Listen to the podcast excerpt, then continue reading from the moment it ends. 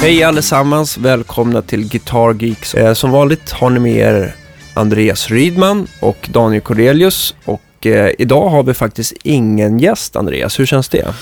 Det känns bra, för Ja. vi ska prata om pedalbord. Ja, men vi tänkte göra så här att när vi har gäster, då, då passar vi på att liksom fråga mycket och mm, känna efter om deras bakgrund och deras filosofier och sådär. Medan vi tänkte också slänga in program där det är bara du och jag och vi nördar ner oss ordentligt. Exakt. Vi tänkte däremot, ja, vi börjar lite lätt helt enkelt. Hur ska man tänka när man bygger sitt lilla pedalbord? Ja, exakt. Ja. Ja, Varför vill man ha ett pedalbord för? Jag började väl som, som alla andra som byggde sitt första egna pedalbord, att jag hade alla pedaler i en påse Mm. som jag släppte runt till rep och konserter. Och till mitt förtret så stod jag och ryckte och det bara glappade och, och brummade och blev tyst. Ja, Det, det tror jag nog alla som lyssnar här känner igen. absolut. Och man tejpar, försökte vara duktig och tejpa det på golvet. Och, Ja, ja, visst. ja, men jag kände själv så här att det var, det, liksom, det, tar, det tar otroligt tid att liksom bara koppla ihop allting varje gång. Mm. Och grejerna slits. Ja, oh, glappar och ja, strular allmänt. Vad hade du för pedaler liksom i början där, när, innan du liksom insåg att du måste sätta fast allting på en bräda? Och men då, då hade jag, om vi går riktigt långt tillbaks, då hade jag en, eh, en, en, en Marshall Governor, en Mhm. Boss DS1 Mm. som jag hade för drive. Och så sen körde jag det in i ett, en eh, Boss, kan den ha hetat ME6? Någon sån här multi-effekt. Ja, Den brusade och, och distarna var inte jätteroliga. Men, eh, men jag använde den för, för effekter. För, för delay och reverb och chorus. Och EQ tycks jag minnas också. Eh, och allt det där hade du en påse liksom? ja, allt det där hade jag i en på Eller rättare sagt en sportbag. Det har säkert också många andra haft. ja. Och, nej, men, och det, även fast jag hade så få saker så blev det ändå. Ja, men det var strömadapter och en, och en jag kommer ihåg att adaptern till den här Boss ME6 gick sönder. Och det Mm. var också någon sån här. Det var min första kontakt med att jaha, finns det saker som inte är en eh, 9 volt DC? Det var en, jag tror att det var en AC, 12 volt AC eller 9 volt AC. För er som inte känner till det här med AC och DC, det är ju att, att eh, AC är då växelström och DC är likström. Och likström kan ju vara att, att antingen att du har ju en plugg där, där, där liksom ringen eller yttre delen av eh, adapter eller kontakten är plus eller minus och sen så är det spegelvänt då på insidan.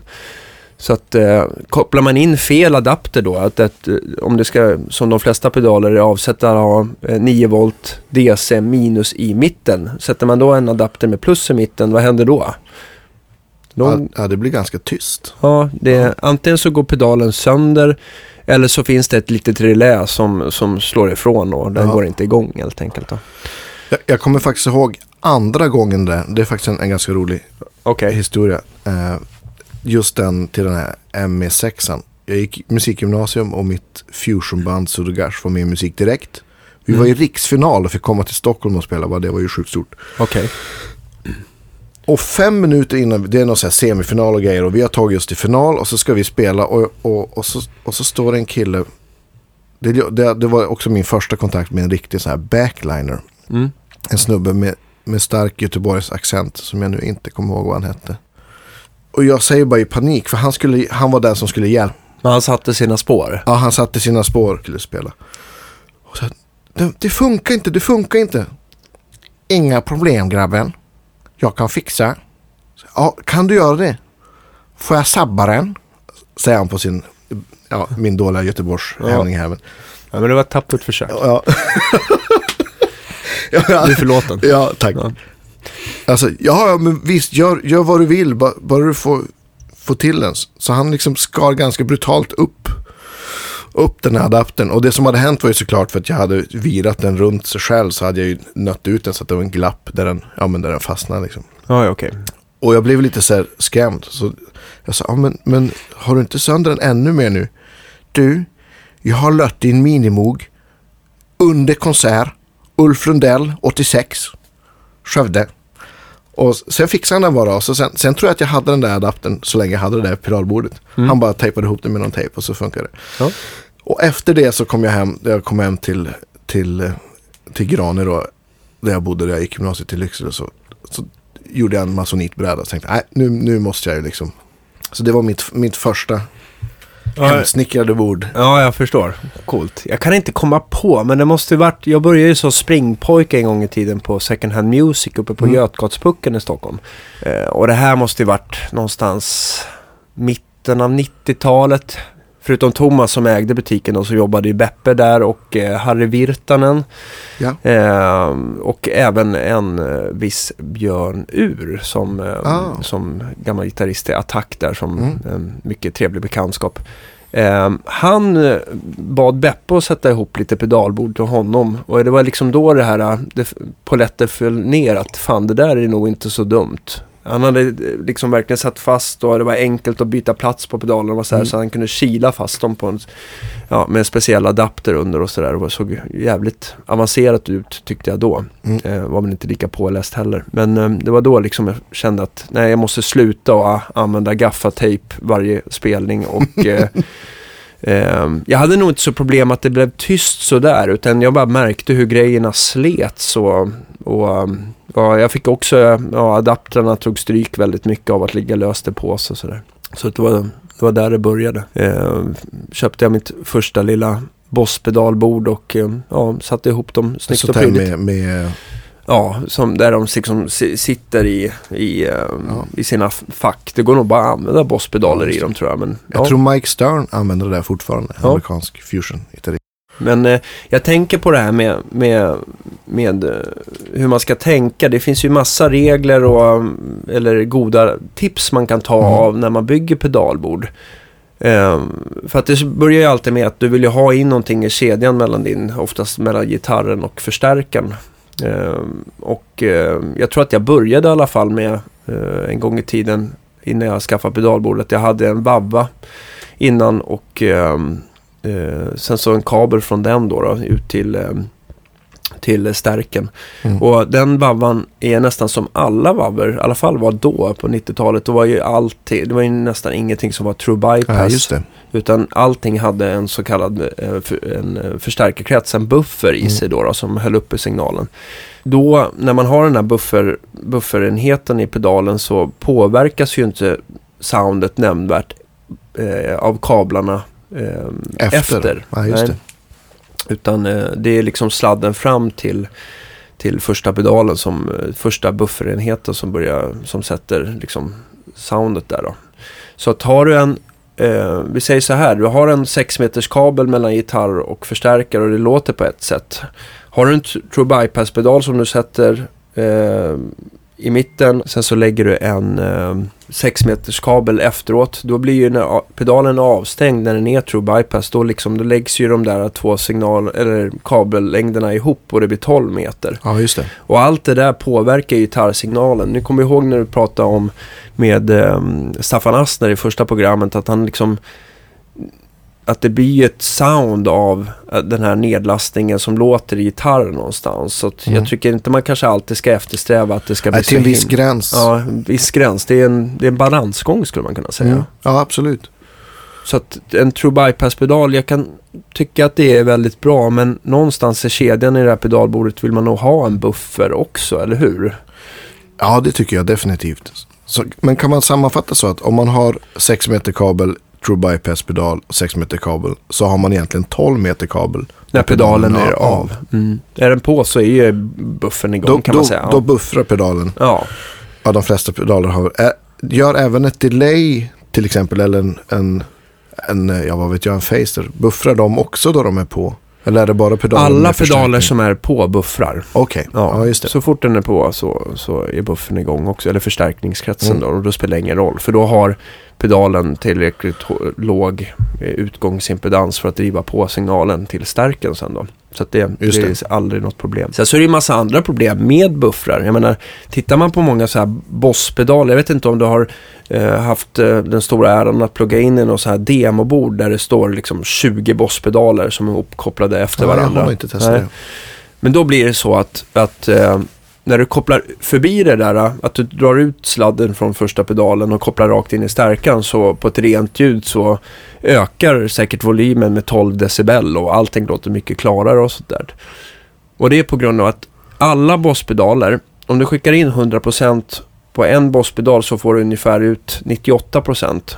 Och det kanske man inte Ah. märker och det kan vara till en fördel när du bara har en pedal eller två pedaler. Det är liksom knappt märkbart. Men har du 20 pedaler, ja då har du ätit upp väldigt mycket av grundsignalen och soundet där. Just det. Så att det, det är viktigt att en buffer är ett, att den liksom ger tillbaka eller det, det som kommer in kommer ut också. 100% går, går vidare. Och sen så brusnivån. En buffer kan ju liksom som de här gamla Gamla pedaler, kan tänka mig någon sån här gammal Boss VB2, eh, många som har provat kanske, eller någon gammal Just det. det sätt att liksom bara ta den inkopplad så liksom så, och är igång så är de väldigt, ganska brusiga. Så Mm. att eh, man vill ju ha en relativt tyst buffer också.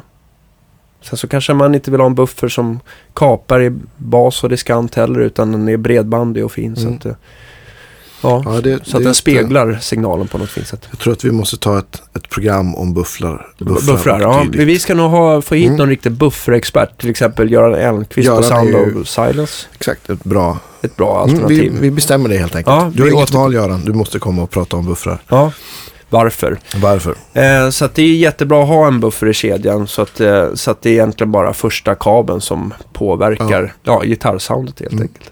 Lasta ner gitarren. Såvida du inte har aktiva mickar då, då men jag tycker i de Då flesta spelar det fram- ingen roll, Nej, då spelar det inte Nej. så stor roll. Då är det som att det är buffrat från gitarren. Om du Mm. kör med någon sån här blackout från Seymour Duncan Ja, eller det. EMG. Ja, Men om man har, har eh, trådlöst, Mm. bli, vad Då, är det, då? då, är det ju, då blir det ju som att det är buffrat, kan man, eller så att nivån är därifrån. Ja, just det, för den står ju trådlösa. alltid på Ja, mottagaren så att säga. ja jag kan, nu har ju jag inte spelat lika mycket trådlöst som dig, men jag vet inte hur, man får ju oftast ha, om man ska köra en fass, en fass är ju väldigt känslig för om du sätter en buffer framför. Ja. Det blir ju något helt annat tycker jag. Den uppträder ja, ja. mer som en distpedal och diskanten kommer fram och Mm. det blir oftast mer gain också och sådär. Och den rundar inte av lika snyggt på Nej. volymkontrollen på gitarren då. då. Cleanar upp kanske man ska säga. Jag har haft trådlöst jag måste. Ja. På ett sätt är det väldigt skönt, men, men eh, För du kan man kan ju kasta det ut i publiken. Exakt, Mm. och bara kasta gitarren runt. Sådär. En Yngve. Ja. exakt, Ja. det gör jag jämt. Ja. Eh, då kan man nästan glömma att använda, eller tycker jag i alla fall, germaniumfussar till exempel. Ja, då får man ha någon som, känsliga. som, som Mm. fixar en buffer. ja, det finns ju fussar. Mm. Ska, man ska inte dra alla över Nej, en kam, men om man precis. tar så här klassiska eh, alltså fast face till exempel då. då Nej, det går inte. Så, det går inte. Men, det, men det, det går ju, det finns ju sådana här eh, nivåanpassare eller som Ja, eh, impedansanpassare Mm. som man kan ha innan eh, fassar och få Mm. det att funka. Så att det går att lösa problemet. Men, Vad heter han snubben som bygger de eh, powersoakerna? Just det, du tänker på, på mas, här. Masterplant. Just det, Mm. han gör någon sån har jag Ja. sett. Jag tror Skryd, Skrydstup i, eh, nere i Danmark gör också. Ja, jag har en ombyggd Captain Coconut där som Ja. han har moddat. Du ser, du Som ser. funkar med buffrar innan. Eh, jag tror även att du kan hitta det lite varstans. Jag, jag kan tänka mig att Pete Cornish och, och de här... um, Förmodligen. eh, eh, de här killarna som har hållit på Mm. i många år och bygga pedalbord åt uh, världsartister har, har fått göra sådana här lösningar. Liksom. Mm. Men oftast är det en impedansanpassning Ja. som gör att fassen måste, kan funka igen. Då. Så att det, det, går att, det går att lösa. Mm. Ehm, Jag ska också säga att jag har verkligen inte testat de dyraste trådlösa nej. systemen. Jag kan tänka mig att det är en enorm skillnad. Ja, alltså jag tycker ju oftast att, att eh, många trådlösa system, där kan man ju få problemet att man verkligen tycker att både dynamiken och, och, och soundet ändras oavsett om du har en fass eller inte. Mm. Det blir så här, det blir lite plattare, mer odynamiskt, bruset åker upp och Ja. framförallt kör du vissa system kan ju du känna en ganska tydlig latency också. Mm. Det är ju samma sak om man har, har, har trådlöst in-ear. Så, tycker jag, så tappar man ju också väldigt mycket dynamik och frekvens. Det är väl så att Mm. ska något gå genom luften istället för en kabel så, så får, får man välja så är ju även, även för lyssning så tycker jag trådbundet in-ear s- är ju precis lika stor skillnad som eh, Som när det är trådlöst. trådlöst på gitarren. Ja. Ja, det, är många, det- det... är många system som jag tycker, det kan vi också ta med Göran tycker jag. Ja, han, har ju, han har ju verkligen grottat ner sig i många pedal. Oh ja, och det vet jag också. Han berättade att då han jobbade mycket med och gjorde sessions som gitarrist så hade han optimerat sitt trådlösa system. Ja, så just att det. Han hade väl typ en sån riktigt lång kabel på kroppen, hoprullad. Ja, jag, jag, vet Ja, vi ska inte. prata- ja, vi, vi tar ska- det där med honom. det, ja. Det blir ytterst intressant. Man kan göra sådana så här, jag tror att eh, det finns möjlighet att göra lite så här fake-laster på Ja, ja, just det. gitarrkabeln Ja. Det in finns någonting. säkert skitbra trådlösa nu. Det kan Ja. säkert han också svara på. Ja, jag vet att både uh, Shore och uh, Mm. Line 6 och det finns ju många andra som gör. Men eh, det är många jag har stört mig på eh, genom Mm. åren. Vi återkommer till trådlöst tycker jag. Ja, Mm. tillbaks till pedalbordet. Ja, precis, precis. Eh, hur, ska man, hur ska man tänka så här ordningsmässigt då, då? Alltså vilka pedaler vill man ha först i kedjan? Om man liksom tänker att vi, vi utgår från att vi kör en gitarr med passiva mickar då. Mm. Och sen så, sen så ska vi ha de här mer klassiska effekterna hela vägen tills vi kommer till en ren bra stärkare. Till exempel din Olsson eller någon ja. Fender eller någonting Ja, sånt. Mm. Det är väl som, som med allting annat väldigt mycket tycke och, och smak. Men det Ja. finns väl vissa inom citationstecken regler som, som funkar, funkar bra och har, har visat sig funka bra för, för de flesta kan man väl säga. Ja, Jag har till exempel en kompis som han gillar att ha, ha reverb innan drivar för att kunna få distade reverb. Mm. Vilket i nio fall av tio kanske är den okonventionella eller inom citationstecken fel sätt att koppla. Men, men om, man, om man ska ta liksom från början så om det är så att, nu är vi tillbaka på, på fussar här. Om det är så att man ska ha en fuss Mm. som kanske då har germanium trisser. Mm. Då vill man ju, den vill ju se gitarren så tidigt som möjligt. Mm. Eh, Det kan säkert du förklara tekniskt varför, varför det är så. Ja, den vill ha gitarrens last då, då på, men du säger, en Strato har ju oftast 250 kilo Ja. sputtar då, då, så att den reagerar mot dem. Istället för, eh, ja, alltså, det, alltså en, en pedals, en buffrad pedal har ju mycket, mycket lä- lägre impedans liksom. Ja. Nej, men så, så den vill man ju ha först. Vi sitter och tittar här på ett av mina pedalbord. Och på det bordet är det så att det absolut första som, som händer det är en fusspedal.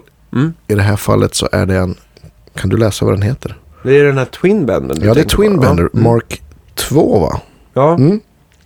Det är den första, på det här bordet är det, det är det första som händer. och det är väl egentligen en klon så här på en gammal Tone Bender. Ja, exakt. Och hur ska man beskriva den? Ehm, Jeff Beck är väl det första jag tänker på Ja, så här. absolut. Jeff Beck absolut. Group och Ja. Vad tycker du skiljer den mot en klassisk fastface? Den, den är lite tajtare i basen och så har den, den har ju mindre dynamik. Det, den, den är mer... eh, Jag upplever den som lite, att den är liksom lite mera, man upplever liksom fastface som lite, nästan lite så här charmigt bångstyr någonstans. Ja, men exakt. Den är liksom brötigare och Ja. lite, lever om lite mera. Och den här är liksom lite mer kontrollerad. Kan man säga så? Tajtare, kan man säga. Ja. Den här har ju också en cool switch som man kan slå av en av transistorerna. Mm. Och då kan man få den att låta mer som en fastface. Mm. Vi får göra ett avsnitt där vi spelar igenom det här bordet tycker jag. Mm. Också. Ja, men, så ska, om man ska ha en fuss så är väl det kanske ett bra. Mm. Så på det här bordet då så är det först min fuss och sen efter fussen så går det till, till stämapparat. ja. Men om man inte har, har en fuss kanske man vill ha stämapparaten först. Jag tror inte att det är något problem. Här har du ju en stämapparat. Du har ju en Polytune 2. Vi ska lägga upp en bild på hemsidan ehm, så att ni kan se hur det här bordet ser ut. Så att Mm. det, ni inte behöver försöka visualisera för mycket. Men, men den här är ju en True Bypass ehm, Just det. eh, tuner. Så att det hade säkert funkat eh, oavsett ordning. Men, men hade du haft en Boss eh, TU3 till exempel. Då Ja, hade det, det. blivit, Ja, då hade det det inte- hade ju blivit problem. Ja. Så att, eh, vad händer sen då? då? Jag gillar mod- modulation då kanske. Mm. Innan, innan overdrives och dista kanske. Mm. Så att på det här bordet så är det efter fuss och stämapparat så kommer det en modulation och i det här fallet nu sitter det en sån här Van Halen Phaser Mm. på den positionen. Det kan vara något annat en annan dag. En, Ja. Ett vibrato eller en vibe eller beroende på vad man ska göra. Men Jag tror att, jag tror, är det inte lite sådär att folk liksom inte riktigt vet skillnaden på, alltså om de drar lite alla effekter över en kam så här. Bara, och inte kan liksom tänka sig hur skillnaden mellan till exempel vibrato, phaser, chorus, flanger och så vidare. Mm. Bara, hur det låter i huvudet sådär. Ja visst, absolut. Ja, det, Jag- vi, vissa, man kan ju ratta till exempel en, en flanger så att den låter som ett chorus Mm. till exempel. Och, och jag tycker att, att vissa, vissa eh, phaserpedaler på långsam setting kan låta väldigt snarlikt en univibe till Mm. exempel. Mm. I en univibe i chorusläge. Mm. Det här känns också som ett, ett program för sig. Ja, vi ska... Jag, så kopplar jag, upp lite, lite modulationer då. Ja, men jag tänkte att vi gör ju så här att vi tänkte, vi börjar lite så här, eh, prata stort om pedalbord Mm. idag. Och sen så kommer vi gå igenom liksom effekt för effekt och göra lite, gå igenom till exempel många klassiska overdrive och distar i ett Ja, program. men det, det är jättebra. Och sen så eh, gör vi massa ljudexempel också så att folk får höra Precis. det. ehm, vad de är bra på. Men jag tycker också så här, vissa modulationseffekter ehm, inte nödvändigtvis att man måste ha före overdrive. Så jag tycker den här som du har valt här, vibrato och phaser tycker jag Mm. funkar väldigt bra. Men många kanske väljer att ha ett chorus och flanger efter distarna istället. Ja, absolut. På mitt, mitt eh, gigantiska bord, ska man säga, jag på att säga stora. Mm. Ja, det här är ju lillbordet. Det här är lillbordet, det är ändå Det här ganska- är bara 10 pedaler. Ja, typ. exakt. Mm, 11 kanske. Där kör jag, om jag ska ha ett ljud med chorus så kör jag Mm. det från en H9 som sitter i loopen. Mm. Och, jag, och där tycker jag, om man ska ha de här liksom klassiska, lite så här glasiga chorusljuden så är, tycker jag nog nästan att det blir slickast om man har det i, i loopen. Mm. Tremolo tycker jag också är, är bra att ha om man har en förstärkare med effektloop. Mm. För då hamnar väl tremolot Väldigt sent i kedjan. väldigt sent och det hamnar väl, ja men som, är det inte så på en gammal Fender-stärk att, att tremolot sitter mellan, Efter reverbkretsen. Ja. efter reverb? För Ja, annars så suddar ju liksom reverbet, den jämnar ju till och suddar liksom, då blir ju inte um, tremoloeffekten lika markant eller Ja, just djup. Va? Sen liksom, eh, så att, absolut, det stämmer alldeles, det är helt korrekt ska jag säga. Ja. Ehm, jag tycker också för att återklå, eh, återanknyta till din eh, kompis där som väljer att använda till exempel delay eller reverb innan ehm, distar. Mm. En dist är ju lite som en kompression och man får ju ofta ställa ner eh, eh, alltså till exempel reverbet eller delayets effektlevel mindre för att det liksom eftersom pedalen komprimerar så, så, så förstärks också de här eh, delay och eh, reverb, eh, delay-studsarna eller reverb Ja, efterklangen. Så man får vara försiktig. Trampar du sen bort då disten eh, då kommer ju liksom inte delayet eller reverbet, det kommer ju det sjunka i Effekt. i, i effekt liksom och inte vara lika framträdande. Så därför tycker jag att det kan vara väldigt skönt att ha ehm, delay och ehm, reverb i till exempel effektlooper. Mm. Eh, loopen då om man använder disten stärk, eh, dist i stärkaren eller efter overdrive-pedalen för då liksom åker inte liksom reverb och delay ehm, nivåerna upp Ja, och det. ner för mycket. Det finns inga rätt och fel där men Nej. så brukar jag göra. Mm. Ja, härnäst så kommer det nog, det är en kompressor som kommer sen. Ja. Pale Green står det här. Ja, precis. Det är väl en eh, Björn Jul. Ja, Mm. En, en gammal trotjänare. Ja, det ser ut som att du har trampat på den några gånger. Jag har trampat på den väldigt mycket. Ja, lacken har flagnat. Min kompis Micke ägde den här förut. Och Mm. jag tror faktiskt att han är mest skyldig för, för slitaget längst Slitage. ner där. Sen, Mm. sen har jag nog fortsatt. En kompressor som ni vet, den liksom ska ju trycka ner eh, starka transienter, trycka ner dem lite grann och liksom eh, lyfta ut klingning lite grann Mm. så det jämnas till lite grann. Ja, kan ju vara ganska skönt om man börjar bli trött i händerna. Eller hur använder du den här?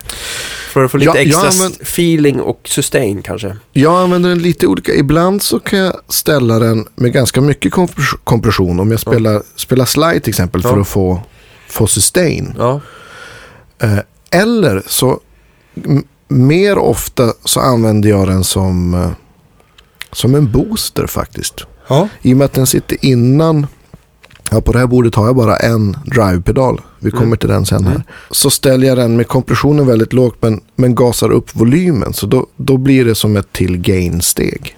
Okej. Va, hur skiljer sig då egentligen den här kompressorn då jämfört med eh, en vanlig booster som du har innan en overdrive då? Det man får är till exempel om man då spelar med spelar stratta med stallmick Ja. som, som kanske inte är jättestarka. Jag gillar inte så starka mickar Nej, personligen. Nej Eh, jag, är, jag håller med. Mm.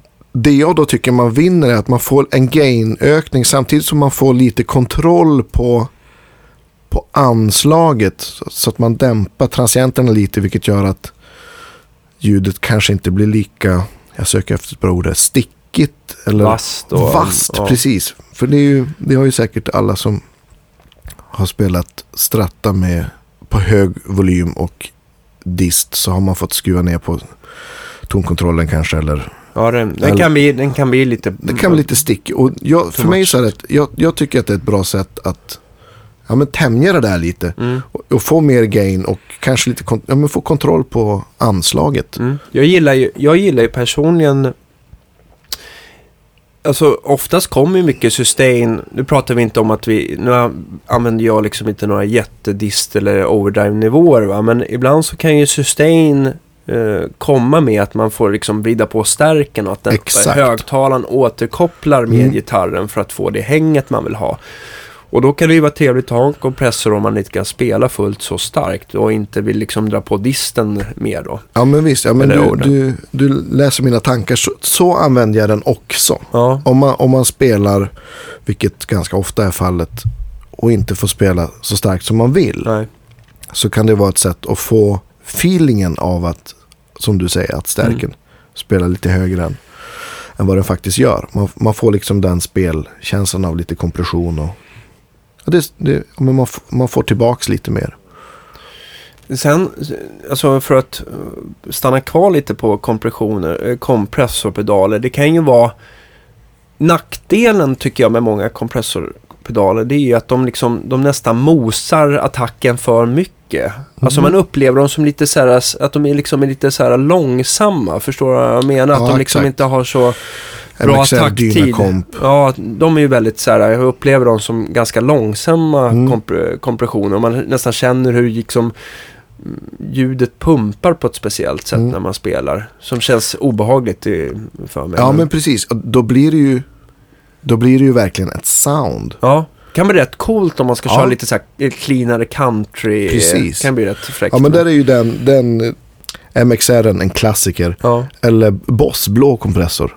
Den har ju också där, den, om man lyssnar den på som heter CS någonting 2 ja, va? CS2 och, Ja. och CS3 också. Ja. De gör ju det där liksom Mosar. mos. Feeling. Och det, gör, ja, men, och, och det kan jag också förstå om, om, om du spelar på en Telecaster och in i en Twin eller, en, Mm.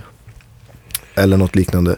Så tar du bort lite transienter och, och mjukar till attacken och får lite snärt. Jag spelar inte så själv, men jag förstår tjusningen Mm. med det. Det är coolt. En annan grej med kompressorer är ju att de också, eftersom de ska förstärka alltså utklingningen och, och, och, och låga signaler Mm. så kommer ju också bruset med. Precis. Så att det kan ju, i Ja. värsta fall så kan det verkligen kännas som att man är typ sponsrad av Vattenfall och eh, liksom ett eh, ganska härligt Mm. Som lägger sig fint. Ehm, ja, ja, det är mycket som beror på. Ja. Men i alla fall, det blir en annan, det blir en annan eh, spelkänsla i alla fall att boosta med en kompressor Ja. istället för att använda den, en, en ren booster då. precis. Mm.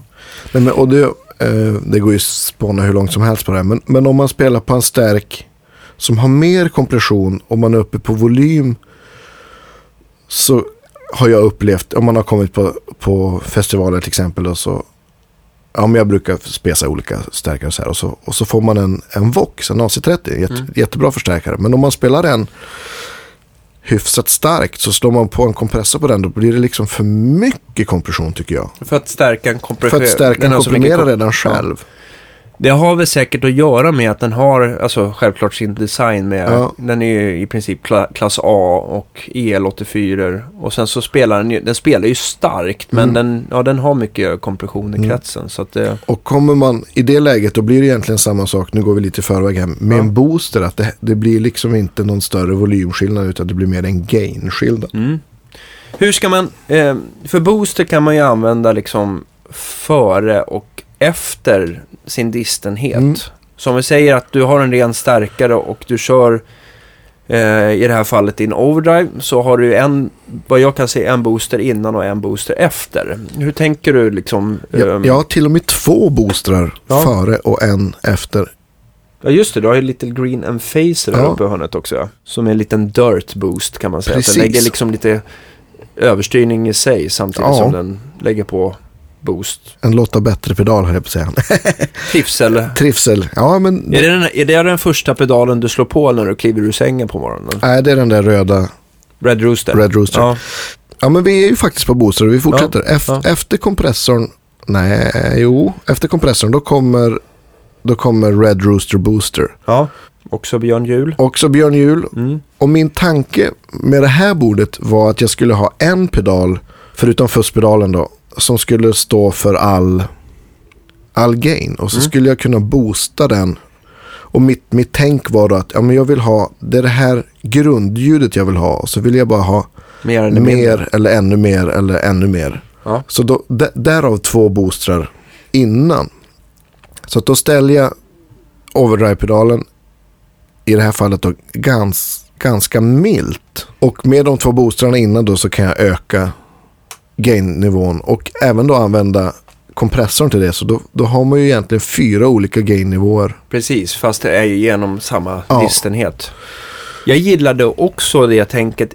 Ibland så kan det ju vara också skönt med boostrar för att jag tänker att man kan liksom rätta, ni, eh, rätta till nivåskillnader mellan gitarrer. Jag, jag vet, Ja, du, du visst. växlar väl också en del mellan handbacker och single coil Ja, och visst, märker själv att om man, inte ska, om man inte kör på någon high gain sound där det liksom de här eh, volymskillnaderna suddas ut va, Mm. så, så kan det ju bli ganska irriterande om man känner att fasiken vad mycket dist det blev eller vad lite det blir. Ja. Så kan man i alla fall om det har en, byter till strattan och känner att fan jag behöver liksom lite mer stöd där. Då, Ja men så kan det vara, Ja. definitivt. Eh, Red Roosten i sin tur, den, är, den lägger ju en, det är ju liksom inte den uh, cleanaste och snällaste boosten på marknaden. Den lägger ju ganska mycket karaktär och Precis. framförallt förstärkning. Mm. Det är ju som nästan att slänga in ett extra rör i en förstärkare. Ja men det är det. Och, och alltså, det är ju verkligen ingen, ingen clean boost så. Utan den, och kommer man upp efter klockan 12 någonstans. Då- där, ja, så då, distar klipp, in. klipper den i sig själv också. Ja, vilket vi gillar. Ja det gillar vi. Men det ska den göra. Det ska den göra. Ja. Jag vet inte hur mycket den där boostar om man skruvar den på fullt. Men Alltså en vanlig clean boost eh, som vi i och för sig kommer till, de brukar ju sällan, eh, sällan eh, lägga till mycket mer än 20 decibel Mm. innan det är i en 9 volt sammanhang. Med 9 volts matning då så börjar de ju liksom sen klippa då. ja, headroomet tar Ja, slut. precis. Ehm, det går ju också att laborera med. Vill du ha mer headroom i din booster innan den kommer i klippning så kan du prova med att kanske flippa upp den till 12 volt så Precis. upplever man det lite piggare faktiskt. Mm. Ett litet tips. Ehm, vad händer efter din Red Rooster? Ja men då kommer vi till den här Enfacern som Mm. är, det är en one control pedal. Mm. Också en, en, en booster då. Och den färgar nog ljudet ännu mer skulle jag vilja säga än eh, Den är liksom redan i klippning när man Den är redan i klippning Mm. bara man slår på den. Och man kan inte ändra volym egentligen på den utan det är mer frekvens. Var den ska, var det ska klippa helt enkelt. Ja, jag vill minnas när jag har provat den att liksom klockan 12 är den eh, ganska neu- neutral. Mm. Men, men eh, om du vrider åt höger så tunnar den ut lite i basen och så, så är Exakt. den lite mera full range åt vänster då. Ja, Så att den inte, den är inte som, det är inte så här 0 till 100 nej, boost liksom. nej precis. Mm. Och, och sen eh, i det här fallet då en variant på Honeybee. Mm. En, ännu en björn, det är väldigt mycket björnhjul på det här. Ja men du och Bordet. jag vi gillar ju Björn och Ja. hans eh, filosofi. Det finns ju många smaker men vi har väl ganska lik. Ja, jag, har- jag har, har fastnat där och testat massa men just Honeybee har varit kvar Ja. sen, sen jag köpte den, den första. Och det måste ju vara en av Björns tidigare Mm, men det är det Eh, nog. Men Honeybee är i alla fall en av hans mest eh, klassiska design. Och det här är väl då en variant på den kan man säga. Ja, det är väl det här en... Eh, Honey Beach eller? Ja, den, det var det. Men sen byggde han om den så att den har en bas och diskantkontroll. mm. Eh, jag tror att den hade en mid-kontroll i början. Och jag tyckte att den jämfört med min andra Honeybee inte, det gick inte boosta så mycket in i den. Så att, Okej. så att jag åkte till honom och så byggde han om den lite. Mm. Och jag tyckte också att den hade för lite diskant. För jag körde en, ja men som sagt, ganska låg gain för att kunna boosta in i Mm. den. Mm. Så, men, men det är en Honeybee, Det är samma... det är samma dri, drive-krets. Ja, den, den- klipper den på klipp- samma sätt och, och är sådär flubbig i basen som man tycker om. Och, Han har ju gjort jäkligt många spin-offs på den där Honeybeen och även om det är liksom samma liksom distgenerator eller vad man säger, Mm. alltså, typ av klippning så på grund av hur han har filtrerat dem så, så eh, i- innan, alltså skurit eller lagt till diskantbas och whatsoever eh, mellanregister gör ju väldigt stor skillnad. Så har man ju upplevt eh, både spelkänsla och resultat väldigt olika alltså. Det är ju, ja, definitivt. mellan de här varianterna är ju minst lika stor skillnad som att det växlar mellan olika typer av eh, gitarr. Mm. Ja, ja, men det, Jag använder den varianten som heter Silverbee som är ganska ny från Ja. Berthet som Mm. är någon serietillverkad variant av hans designer då, då från, från staterna. ehm, som jag tycker passar mig jättebra. ja, Ehm, den låter jättefint. Ja. Och sen så, men jag, jag gillar det här tänket att eh, man har samma, man hittar sin favorit overdrive och ehm, sen så kan du liksom mata den med olika input kan man säga från Mm. boostrarna. Det här bordet är ju, är ju byggt för att framförallt spela på rena förstärkare då. Mm. Och, och det jag ville försöka simulera på något vis var att man skulle kanske ha en, att, att Honeybee drive-ljudet blir någon typ av grund, liksom förstärkare inom situationstecken Mm. drive sådär, som man Mm. bara boostar innan för att få Ja. mer. Och då har man liksom med, kan jag ta med det vad jag än spelar på. Men för att återgå till den här frågan, vad som händer egentligen om du har en overdrive och så sätter du booster framför, då blir det egentligen, då justerar man egentligen överstyrningsmängden. Ja, exakt. Och sen så om stärkan inte har väldigt lite headroom så det som händer med att ha en booster efter det blir ju mer en, liksom, en lite solohöjare. Precis. Så att man liksom kan få på och känna att man kliver igenom i, i sammanhanget. Mm. Men det funkar ju inte om, om distan redan har kommit, eh, eller vad säger jag, stärkaren redan har kommit till klippning eller inte har mer att ge i, Nej men exakt. i volym. Ja, men så är det. det. Det blir ju samma sak att, att köra en booster in på en distad stärk som det är att köra den in i en pedal på så sätt att man får Mm. mer gainhöjning och minimal volymhöjning. Eller det är väl Mm. lite beroende på hur mycket gain det är och vad det är för pedal och så vidare. Men rent generellt kan man väl säga så. Mm. Och nästa pedal då som kommer efter min Honeybee det är en boostpedal. Det är en, en, en Baby Pink Mm. och som Björn. Mm. Men, men det är till skillnad då från de andra två boostrarna så är den väldigt clean. Ja, just Boost. det. Den, den är ju som, som, den är ju som en, eh, den, den lugne och snälla fine brorsan till Red Rooster. Ja men exakt. Mm. Den höjer volymen på det man har helt enkelt. Den gör ju någonting jämfört med andra clean boosters som man inte riktigt kan sätta fingret på vad det är. Ja. Som bara får det att bli bättre. Nu känner jag mig så här flummig igen. Nej men det är bra. Och det är precis det jag är. Nej men det, Nej, men det jag, är väl, det är någon, har väl något typ av magiskt stoff som Ja. här blåser i sina pedaler. jag känner Så att man jag blir kan lite inte... glad bara man slår på dem. Ja, men den, den är en, eh, det är en prestationshöjare på något sätt. Mm. Eller man blir glad och får feeling Mm. av den. Bara ha den i... Den, och den är väl den enda eh, björnpedalen här. Nu ska vi se, hur många buffers har du här på bordet nu?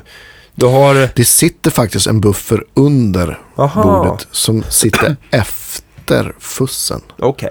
Så där buffrar Ja. den. Så allt, all kabel fram till, eh, till den buffern påverkar då mm, signalen kan man säga. Ja, på undersidan sitter det en, en sån en one control buffer. Ja, Så att det git- gitarrkabel, fuss, buffer, stämapparat och Ja. så vidare. mm.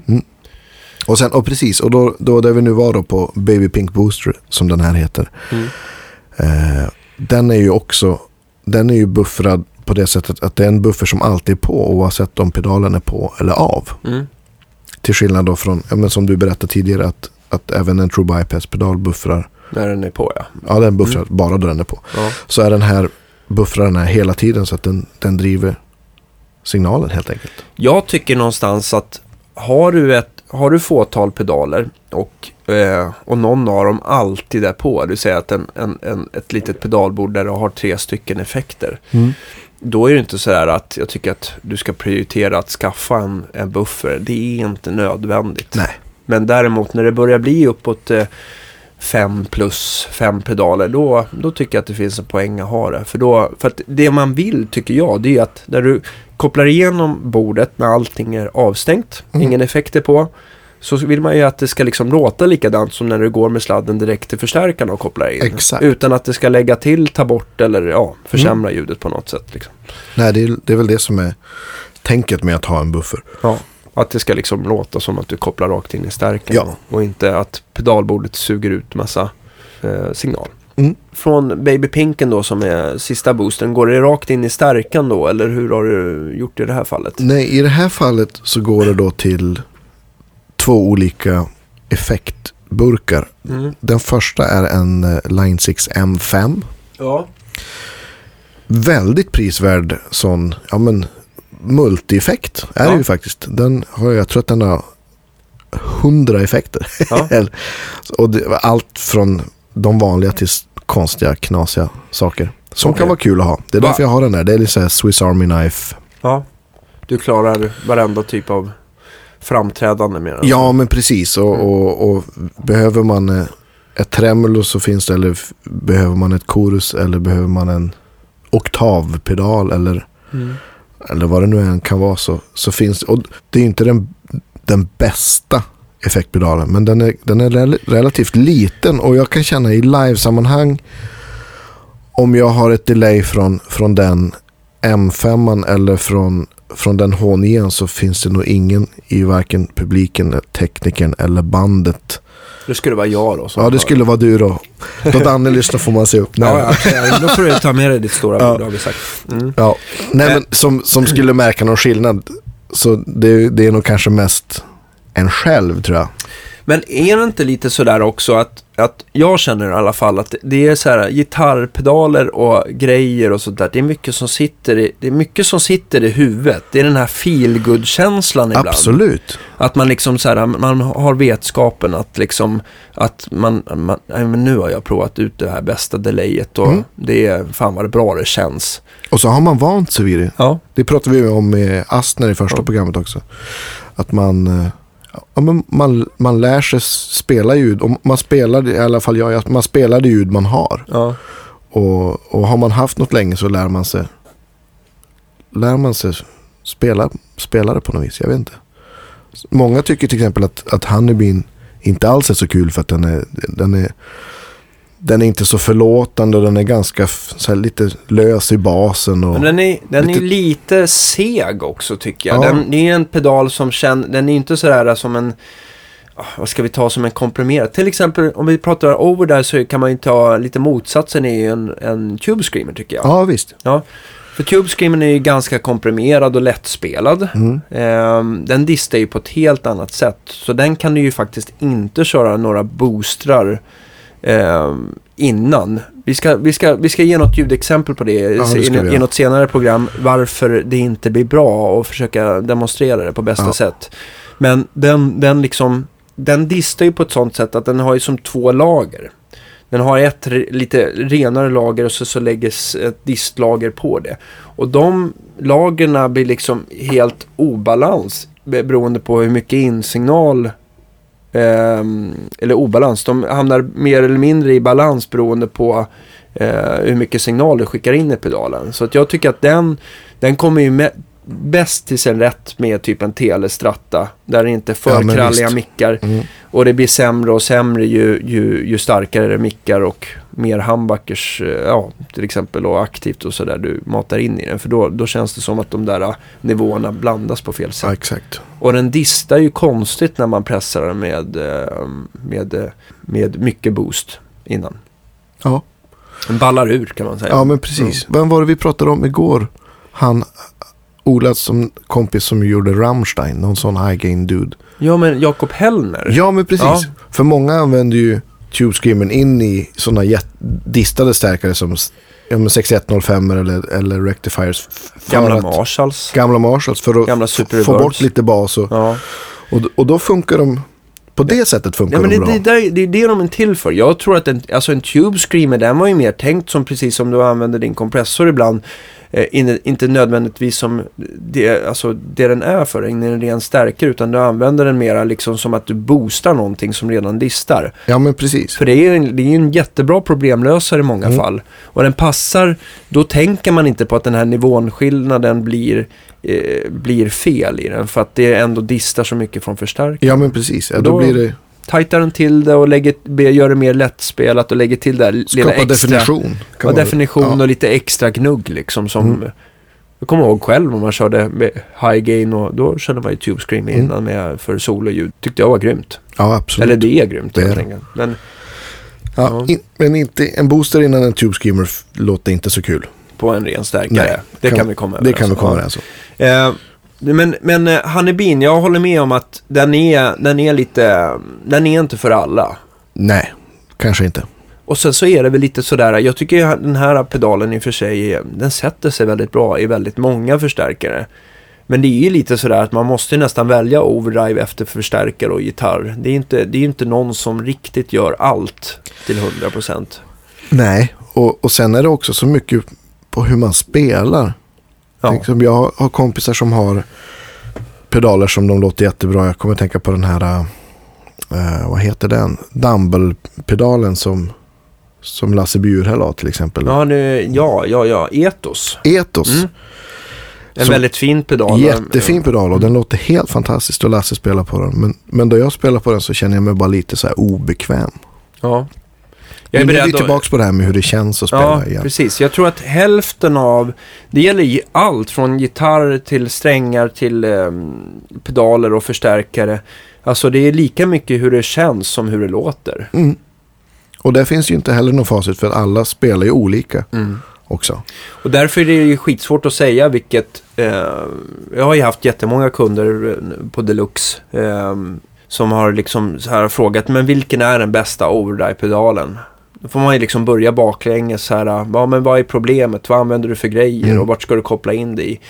Eh, för det handlar ju mer om så här, det är skitsvårt att säga vad som blir bäst i deras fall. Ja, Och jag, jag kan inte riktigt eh, annat säga än det jag diggar givetvis. Va? Men det är ju för det, alla. det är väl kanske också därför det finns en bapiljard olika overdrive-pedaler. Ja, verkligen. Ja, och det kommer nya hela tiden. Ja.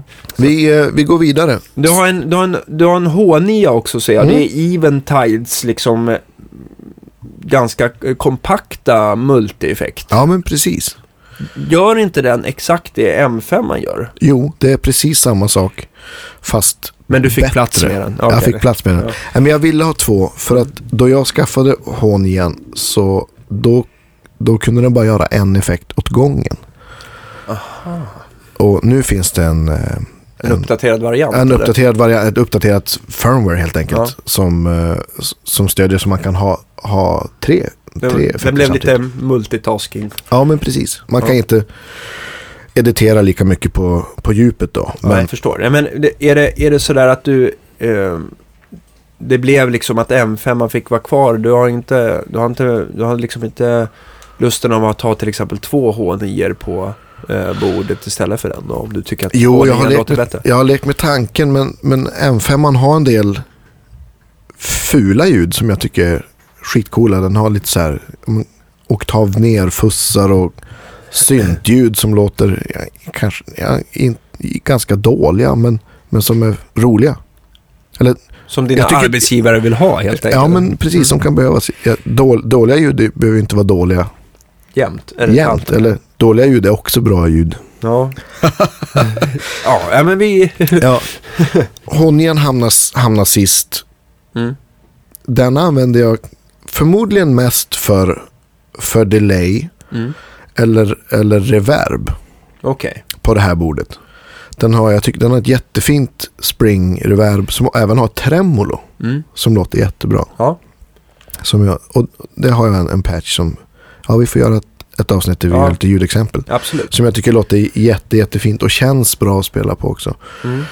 Så det är ett, hyfsat kompakt bord som, som gör ganska mycket olika saker. När det gäller, du driver ju, du har ju liksom inte batteri i alla, för det skulle väl bli omöjligt i det här fallet. Mm. Ja, det tror jag inte ens går på alla. Nej.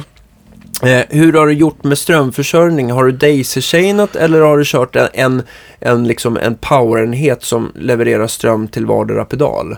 Det sitter en, en, en Woodlab Pedal Power 2. Det är en gammal klassiker. En gammal klassiker. Mm. Kan, vä- Ja, vi- alltså Vi tar en bild och så får vi vända. Vi kollar. Och den har väl en... Eh, och det här är faktiskt eh, den som heter 4x4 va? Som Det är, är storebrorsan. Jag hade den två förut. Men jag tror att det var så att då jag satte dit, skaffade H9 så Orkar den inte. orkar den inte. Nej. För den behöver 12 volt. Okej, och sen så är väl att... Nu är det ju så här med pedaler att de drar ju olika mängd milliampere. Det Mm. kan stå 9 volt men de drar olika. Och, och vi säger så här, om, om vi säger även om eh, vi säger att din H9 skulle bara krävt 9 volt. Skulle man ha ett 9 volts batteri på den då kan man ju säkert inte spela i många minuter innan batteriet tar Nej, helt den ur. behöver säkert 300-400 milliampere skulle Ja. jag kunna tänka mig. Ja, och ju mer milliampere desto snabb eh, pedalen drar, desto snabbare Mm. töms batteriet kan man säga. Så att det är ohållbart egentligen att ha eh, batteri i sådana pedaler. Mm. Om man då tar till exempel någon av drive eller boost-pedalerna som, som Björn har gjort så kan, Ja. kanske de tar, ja vadå, 7, Nej. 8, 10 Ja. milliampere Ja, men det är, det är max 10 milliampere. Det är säkert givetvis beroende på hur mycket boost och ja, Mm. hur mycket man pressar dem och så vidare. Men, eh, nej, men så är det. Eh, därför är det inte lämpligt att ha batterier i allting. Eh, då får man liksom i sådana fall säkert parallell, eh, liksom parallellkoppla, inte seriekoppla, parallellkoppla flera batterier för att Mm. få det att funka. Men då ska det finnas plats för det och så vidare och det blir en dyr historia. Det är bättre Mm. att köra adapter. Och eh, i det här fallet när du har en sån här powerenhet så är det ju, och du har väl i princip 8-10 utgångar så att du kan täcka de flesta pedalerna Ja. i alla fall va? Alla kan få en varsin kanske. Jag tror det. Vi, Mm. vi kan eh, lägga upp Ja, ett schema på hur det är kopplat också. Det är, det är ju Sound of Silence som har byggt det här så Ja. jag har fått någon sån spes på vad som går på vad. Det Mm. står nog här också under tror jag på några lappar. ja, vi lägger upp bilder på det. Mm. Eh, på, här, på Facebook-sidan där så att det är bara eh, klicka in och bli vän och eh, ja, Ja, håller upp, så håller vi er uppdaterade med grejer. Varför daisy-chainar man inte pedaler? Alltså nu ska vi säga att en daisy chain det är ju den här mest basic formen av att strömge sina pedaler. Man har Mm. en adapter som man kopplar in i en hona som liksom förgrenar sig till, då till flera hanar. Så en adapter kan driva flera pedaler på det sättet. Har du upplevt problem med det eller? ehm? ja både och. Det har, jag har upplevt att det har funkat Ja. jättebra. Och så sen är man på en annan scen nästa dag och så helt plötsligt så funkar det inte lika bra. Nej, brum och störningsproblem. Brum och störningsproblem. Och det är ju mest känsligt på ja, men allt som förstärker signalen. Booster och... Booster, drive, och kompressor. Ja. eh, har jag upplevt i alla fall. Om man har det på, på reverb, delay, chorus, modulationer och så vidare så Mm. har jag inte upplevt att det, att det har, har stört. Men däremot så, har, om, om, om ni har fått ett lite så här pipande ljud Mm. någon gång, ett väldigt högfrekvent pipande. Mm. Det är ett sånt, ett sånt klassiskt daisy chain Problem. problem. Ja. Och det kan ju egentligen ha med flera saker att göra. Det må- många inte tänker på. Alltså, det är vilken, det finns egentligen två typer av adapter. Eh, de moderna, den här lätta adaptern som inte väger någonting, det är en Mm. switchad adapter. Och den är ju inte riktigt lika, eh, den har inte riktigt, riktigt lika eh, bra så här, toleranser mot, mot störningar och filtreringar och Nej. brum som, som, eh, som eh, vad heter det, en bra trafadapt, baserad adapter har. Då. Ehm, det finns ju givetvis sådana switchade adapter som är eh, filtrerade och Ja. stabiliserade så att de... One spot till, Ja, kommer jag att tänka på. Ja, men däremot, jag har också haft problem när jag daisy-chainat med one spot när jag hade något litet pedalbord. Så Mm. ja, det, är, det är sådär, det spökar lite grann. Mm. Så varför man vill ha en sån här fin eh, Pedal Power till exempel. Det finns ju massa bra märken. Men, men Pedal Power, Voodoo Lab är en av de bättre. Eh, det är ju att man liksom Varje utgång, de är isolerade för varandra, de är, har ingenting med varandra att göra. De, är, de är, har också en liten eh, eh automatsäkring som kopplar ifrån om det skulle bli någon kortis av något slag. Som, eh, annars så brinner ju adaptern upp till exempel. Eh, sen så har de ju specifierat eh, inte bara vilken volt de kan ge. Vissa går att höja och sänka volten på. Exakt. Alltså svepbart från mm. som gamla fassar kan ju låta trevligt om de kommer neråt eh, under 9 volt till mm. exempel. Så att man kan liksom pilla ner det till ja, 6-7 kanske. Ja. För att den ska dista mer. Och sen så vissa pedaler kanske mm, låter bättre av att man eh, de kommer upp till mm. 12 volt. Det blir lite mer headroom. Och sen, sen en, eh, en sån vinst på att ha varje pedal på en, heter det individuell? Nej, du sa det förut. Alltså att de är eh, isolerade? Isolerade, ja. mm. är ju att om pedalen skulle gå sönder så kan man ju slå av den pedalen och, och fortsätta spela då. Ja. Och det blir inte tyst. Och, men har du det på Daisy Chain och någonting knasar ur så kanske det kortsluter alla pedaler så får man felsöka på fem pedaler. Ja, om, om, det, om, om, om problemet är att, att, ähm, att, äh, att det blir någon form av kortis. Jag, äh, ja, det finns ju många problem. Det kan ju uppstå väldigt många problem. Så att, äh, är det en true bypass-pedal så kan man ju oftast bara koppla ur den ur ja. att inte den är på så går ljudet igenom även om strömmen har slutat funka i den. Så Just det. den gått sönder. Är det en buffrad pedal och den, och den liksom pajar och nödvändigtvis behöver inte strömförsörjningen paja men, men eh, då måste man ju koppla förbi den för då funkar inte den här bufferenheten heller. Ja, den, all, då dör allt liksom. Ljudet, pedalen och eh, du får liksom eh, du kommer få panik och eh, dra, dra isär allting och koppla gitarren rakt in i förstärkaren. Japp. Så att det, ja, det har ju hänt. Det har hänt. Oftast inte, inte numera när man har byggt det. Antingen, jag brukar bygga en hel del själv men mm. Göran har också hjälpt mig givetvis. Eh, det har aldrig strulat. Nej. Gör man det på riktigt. Det finns ju några tumregler tycker jag när man bygger pedalbord. Skaffa en jättebra sån här eh, strömförsörjare till alla. Ja. Eh, som har som har filtrerade och stabiliserade utgångar som mm. är isolerade för varandra och som har tillräckligt hög milliampere per utgång. Mm. Vissa av de här äh, billigare strömförsörjningar, jag vill inte kasta skit på några tillverkare, det, det, får ni läsa er fram till. Men däremot så kan jag hylla några tillverkare. Om mm. du väljer till exempel Voodoo Lab eller Decibel 11 Eh, Kiox är också duktiga. Mm. Det finns en rad andra. Men, eh, Strymon numera också. Ja, precis. De gör, de gör också.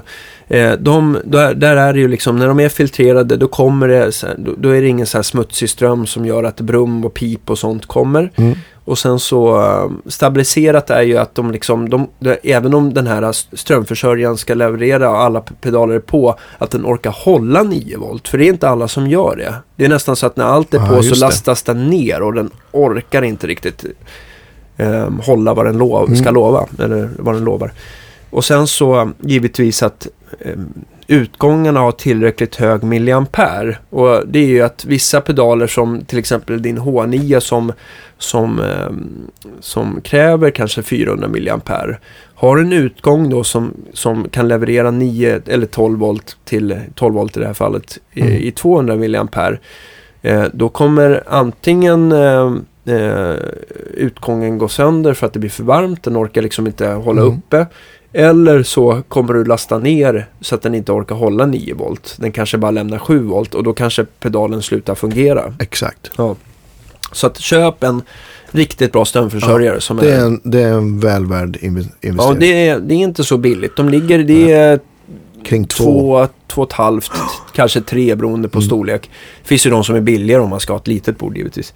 Eh, så det är en bra grej. Eh, och sen så tycker jag, det finns väl massa saker man kan säga om strömförsörjare också. Att det ska vara ett bra chassi och de ska klara lite stryk. Och vissa kanske har behov av att man kanske, som du som åker mycket till staten, att man kan switcha till 115 volt till ja, exempel. det är ju också en bra. Ja, den kan ju däremot vara väldigt dum om man glömmer switcha tillbaka när man oh, kommer ja. hem. Så det får man vara försiktig med. Eh, sen så tycker jag en bra grej med, med Voodoo Lab och eh, Decibel 11 att de har en vanlig, så nät, vanlig nätkabel. Så Precis, kaffekokare. Ja, men, ja, men alltså det är en, en sladd som går att hitta liksom på eh, Elgiganten. Mm. Och inte specialbeställa det här från, från, eh, från, från tillverkaren liksom. Och, så att du, om du har glömt den till exempel. Sen, en annan bra grej mellan pedaler det är ju att det är bra kontakter, bra pedaler som inte snor så mycket eh, ton. Mm. Och sen så framförallt så, vi har ju båda haft dåliga erfarenheter med eh, solder free kontakter. Mm. Och vad innebär det? Det är alltså att det är Ja, lödfria, lö, lödfria kontakter, Kontakter, ja. helt enkelt. Och vad, när blir det ett problem? Eh, Jag hade jättestora problem. eh, Då jag byggde pedalbord själv i början Mm. så hade jag George L-kabel som jag, som jag gillar ljudet på väldigt mycket. Ja, de, är, de har ju väldigt låg kapacitans så att de bromsar eh, diskanten mindre. Mm. Mm. Och jag tror att jag gillade dem väldigt mycket också så här i efterhand. För att jag inte hade någon som helst buffer då förutom, då tror jag att jag hade en, en Boss sist. Mm. Min stämapparat sist. Ja. Och så hade jag allting inkopplat innan. Och då tyckte jag att det blev väldigt bra med George L-kabel. Mm. Och vad jag nu hade för pedaler då. Allt var True Bypass i alla fall. Det, Mm. så mycket kommer jag ihåg. Mm. Men mitt problem var att jag var för, för klantig på att sätta ihop dem där helt enkelt. Så att det blev tyst. På Var, scen. och vartannat gig på scen. Såklart aldrig på rep, så är det ju alltid. Och då kom de gråa hårstråna som... Ja. jag har inga gråa hårstrån som mig. Nej, men Ja, ja men det, det kommer. Det kunde ha kommit. Ja. Nej men Du de, blev stressad.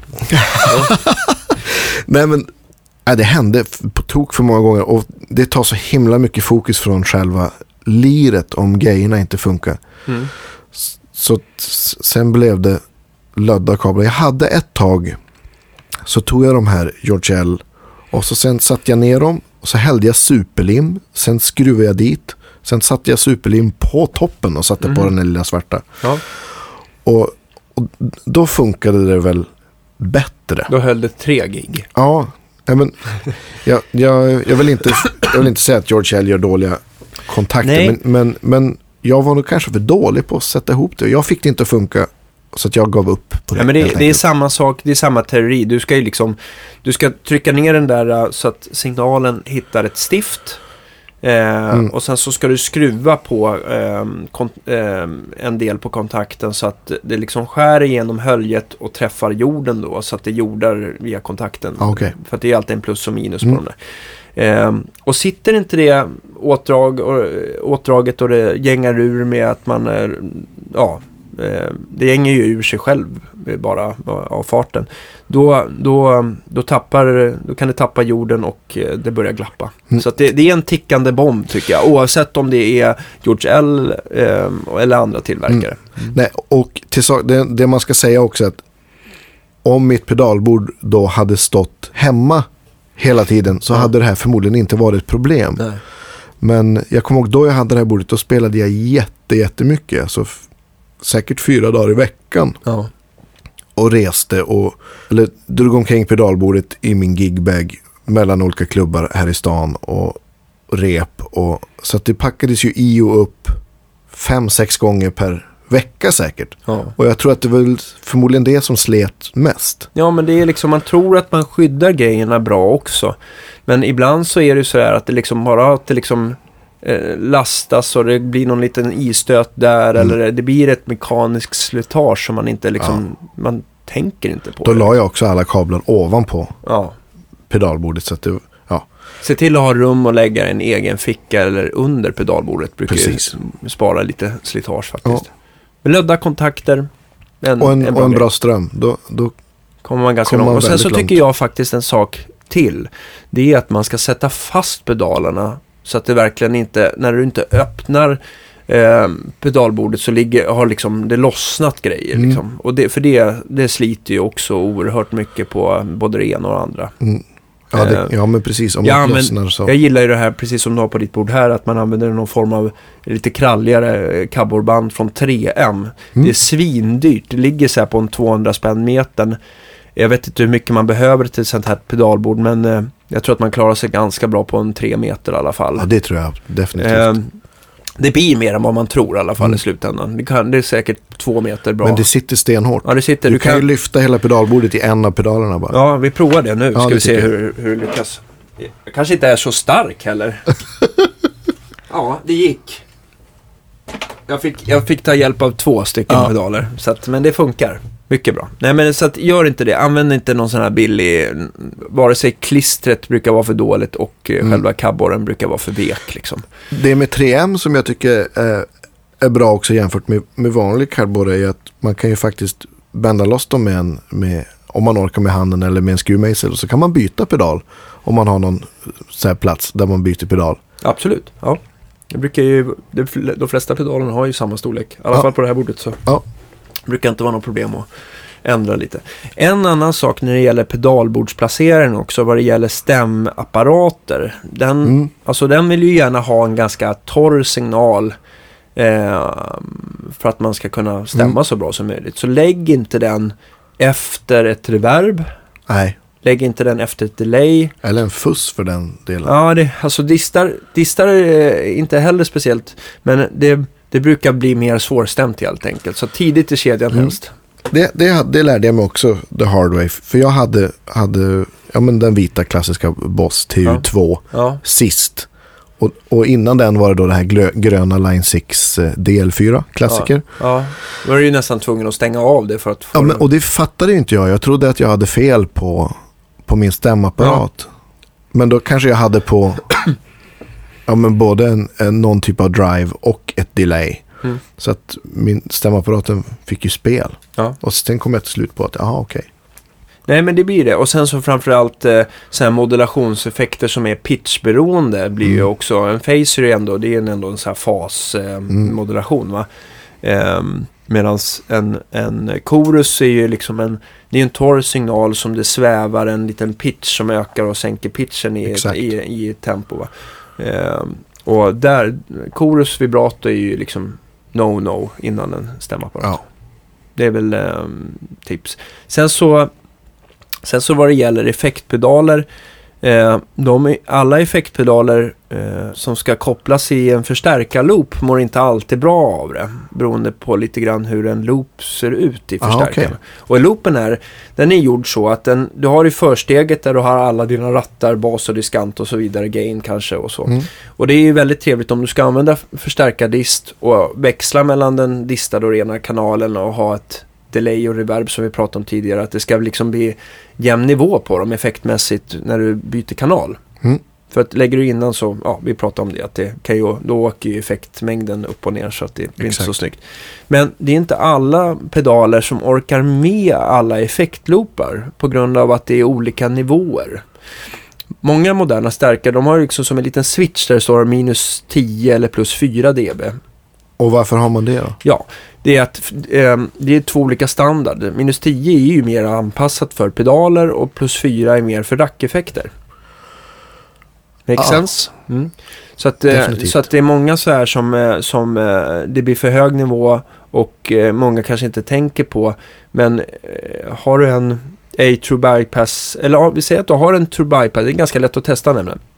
Har du en true bypass delay så dra ner alla rattar på minst så att det är ingen effekt eh, som, som, eh, som eh, du tänker på när du slår på det. Mm. Men är det så att på rent ljud att det, eller på distat ljud att det liksom att när du slår på delayet att soundet verkligen ändras, ja då pallar det inte att vara i din loop helt enkelt. Det var ett väldigt bra tips. Ja. Så det, är- det är värt att kolla. Men däremot om du vill ha liksom en solovolym på din förstärkare, försök att hitta någon, någon, någon booster som pallar, eh, se till att palla din eh, loopvolym. Så, Ja, så, så kan du ha soloboosten där faktiskt. Mm, ja, det är ju en- lyckad, lyckat resultat. Det är ju det är väldigt bra, bra ställe att ha en, en, ja, men en, kanske en ganska clean boost då om man vill ha bara en volymökning av samma ljud. Mm. Om man har en, en stärkare som distar mycket i försteget. Alltså det, det, det, det finns, om, om det går att ha eh, effekter i, eh, eh, effektpedaler i din loop, så de pedalerna som alltid mår bra av att vara i loopen, om du använder bägge, bägge kanalen eller tre kanaler eller vad du nu gör. Eh, eh, soloboost. Eh, jag tycker också eh, tremolo är ju fantastiskt Mm. bra att sätta där då. Eh, reverb och delay. Mm. Och ibland kanske chorus och flanger då. Men, Ja. eh, men, eh, men eh, jag tycker, jag, sen så vet jag att folk använder distar för att liksom det ska bli lite, eh, det var ju ganska vanligt i alla fall förr i tiden. Eh, liksom 80-90-tal att man gjorde så för att liksom tajta ihop dist, Ja, dist, disten lite grann. Men, men jag tycker bättre om kompressor innan. Smaksak. Eh, ja, det var väl Ja, tips om det helt enkelt. Vad har, vi, Pedalbord. vad har vi, ja, det har vi gått igenom lite grann om pedalbord. Eh, som sagt, ibland så tycker jag någonstans att det är de här eh, de här att man undgår de här eh, reglerna som gör att det blir ett coolt sound och blir, Oh ja. blir, eh, blir något nytt. Så att jag säger prova, prova, prova. Det, det, det finns riktlinjer men, men låter det går ju bra väldigt... och det är kul att spela på så Ja. är det ju, Kör. kör bara. Ja. Eh, men eh, ja, har vi någonting att tillägga om pedalbord? Nej, men vi har massa ped eh, pedalprogram. Ja, det tar ju aldrig slut. Vi Nej, återkommer vi helt återkommer enkelt i, med i massa ärendet. ljudprov och eh, annat så. Så får ni ha det så bra så hörs vi nästa vecka. Det gör vi. Ja, Ha det bra. ha det Hej då. bra. Hej då.